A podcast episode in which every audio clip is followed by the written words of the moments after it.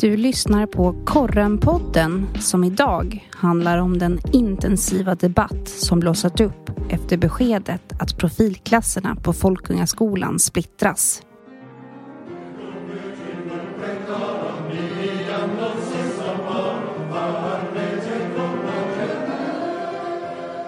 Alltså jag tycker det är väldigt respektlöst. Liksom man känner sig lite lurad.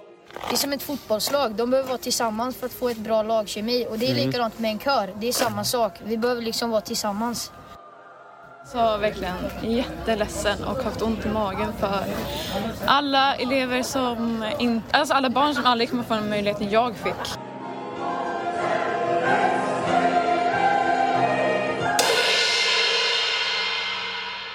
I 37 år har musikklasserna funnits på Folkungaskolan.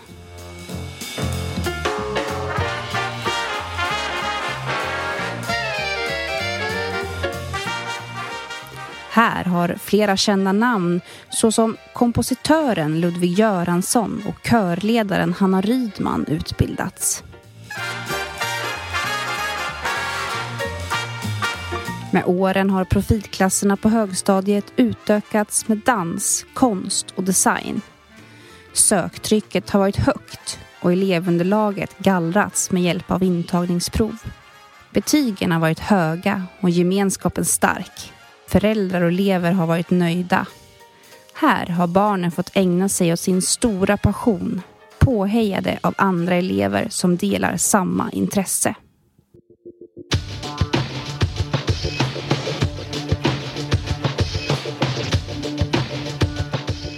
Men innanför de gula skolväggarna har skolledningen bekymrat sett hur profilklasserna skapat segregation.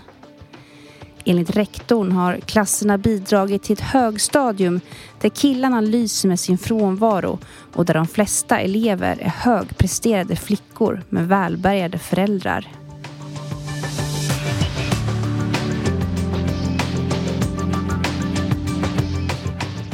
Dessutom är psykisk ohälsa ett något större problem på Folkungaskolan än andra skolor enligt rektorn. Så här skrev en elev i sin utvärdering.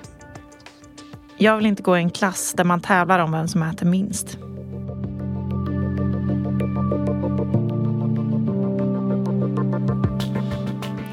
Den 15 april kom beskedet. Profilklasserna läggs ned och eleverna ska i framtiden blandas med elever som inte valt någon särskild profil. Vi hör Snajda Hadzimovic, reporter på Korren som rapporterat om nedläggningen. Profilelever ska kunna fortsätta ha profilämnen. De ska kunna fortsätta dansa, sjunga och skapa konst. Och det ska de göra tillsammans, varje profil för sig. Men undervisningen i de andra ämnen ska de ha med alla de övriga elever i årskurs 7. Eleverna ska blandas och det ska inte finnas några rena profilklasser.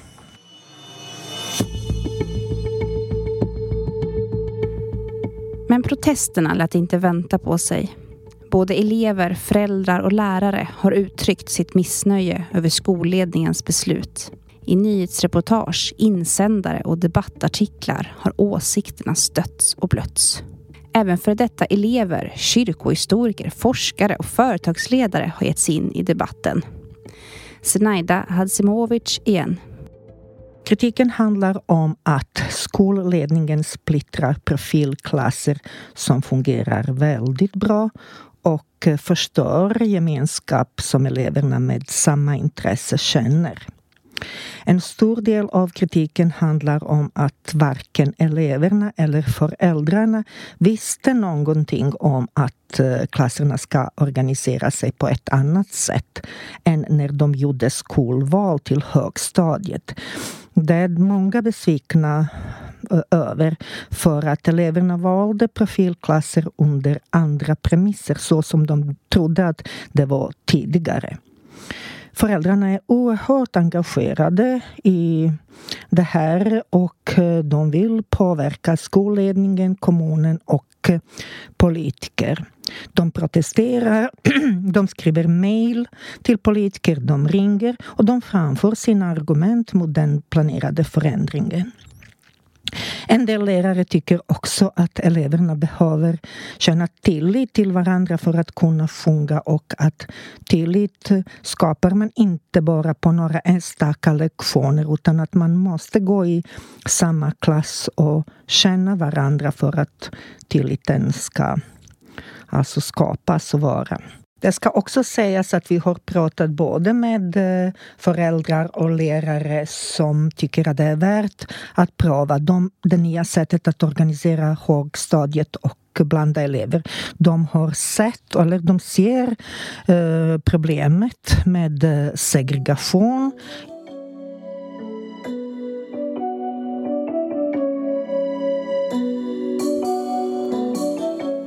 Den massiva kritiken gjorde att Linköpings kommun backade.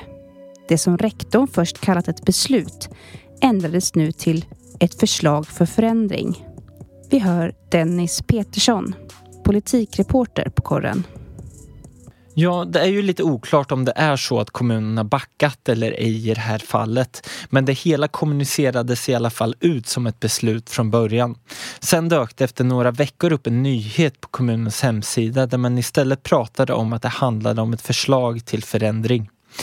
Man kan också säga att kommunen pudlade lite grann och erkände att kommunikationen i ärendet inte hade varit särskilt bra. Barn och ungdomsnämndens ordförande Elias Aguirre sa till exempel att kommunikationen i ärendet lämnade en del övrigt att önska. Rektor Anna Dahlström säger i en intervju med oss att hennes avsikt hela tiden har varit och fortfarande är att det här ska sluta med ett formellt beslut. Men hon poängterar också att beslutet trots allt ännu inte är fattat. Föreningen för Linköpings musikklasser har framförallt varit kritiska till att förändringen, beslutet, förslaget, ja vad det nu ska kallas, inte har kommunicerats ut innan skolvalet. Nu har eleverna i årskurs 6 sökt till musikklasserna med andra premisser och i tron om att få gå i en sammanhållen musikklass. Det här tillvägagångssättet har bland annat kallats för ohederligt av vårdnadshavare och elever.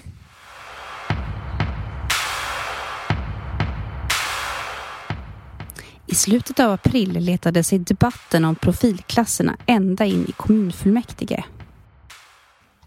Det var Kristdemokraternas ledamot Annika Leijon som via frågor till barn och ungdomsnämndens ordförande lyfte frågan i Linköpings högsta beslutande organ, kommunfullmäktige. Hon vädjade om att profilklasserna skulle få förbli intakta och hon sa att hon har svårt att se att förändringen skulle få de effekter som skolledningen säger att de önskar. Det är väl värt att poängtera här också att den här förändringen och det här beslutet faktiskt inte ligger på politikernas bord. Politikerna kan besluta att det ska finnas profilinriktningar i en kommun men i skollagen står det tydligt beskrivet att själva klassindelningen och allt som rör skolans inre organisation är rektorns och skolledningens ansvar.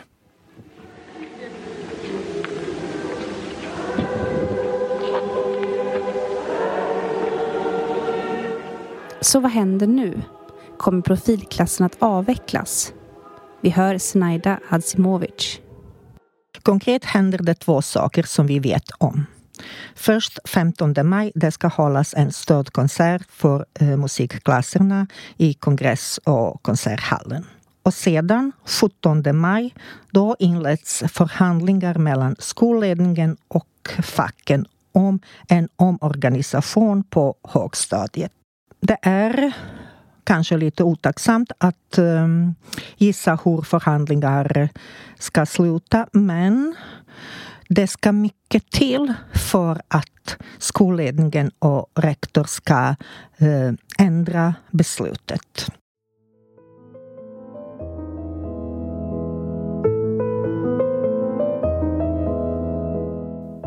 Men kritikerstormen har inte bedarrat. När Ludvig Göransson, som alltså själv gick i musikklasserna, vann årets kompositör på Grammisgalan valde han att framföra en hälsning via sin pappa som tog emot priset. Och sen Ludvig vill skicka en liten hälsning till Linköping där han växte upp.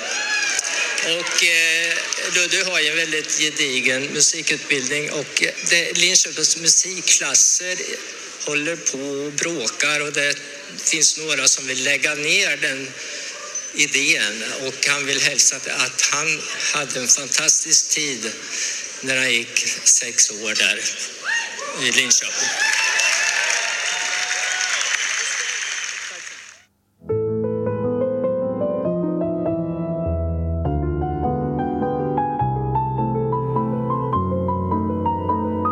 Du har lyssnat på Korrenpodden. Idag producerad av mig, Frida Glenning Ströberg.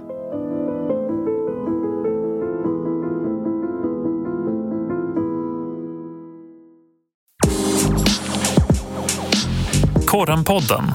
Ansvarig utgivare Christer Kustvik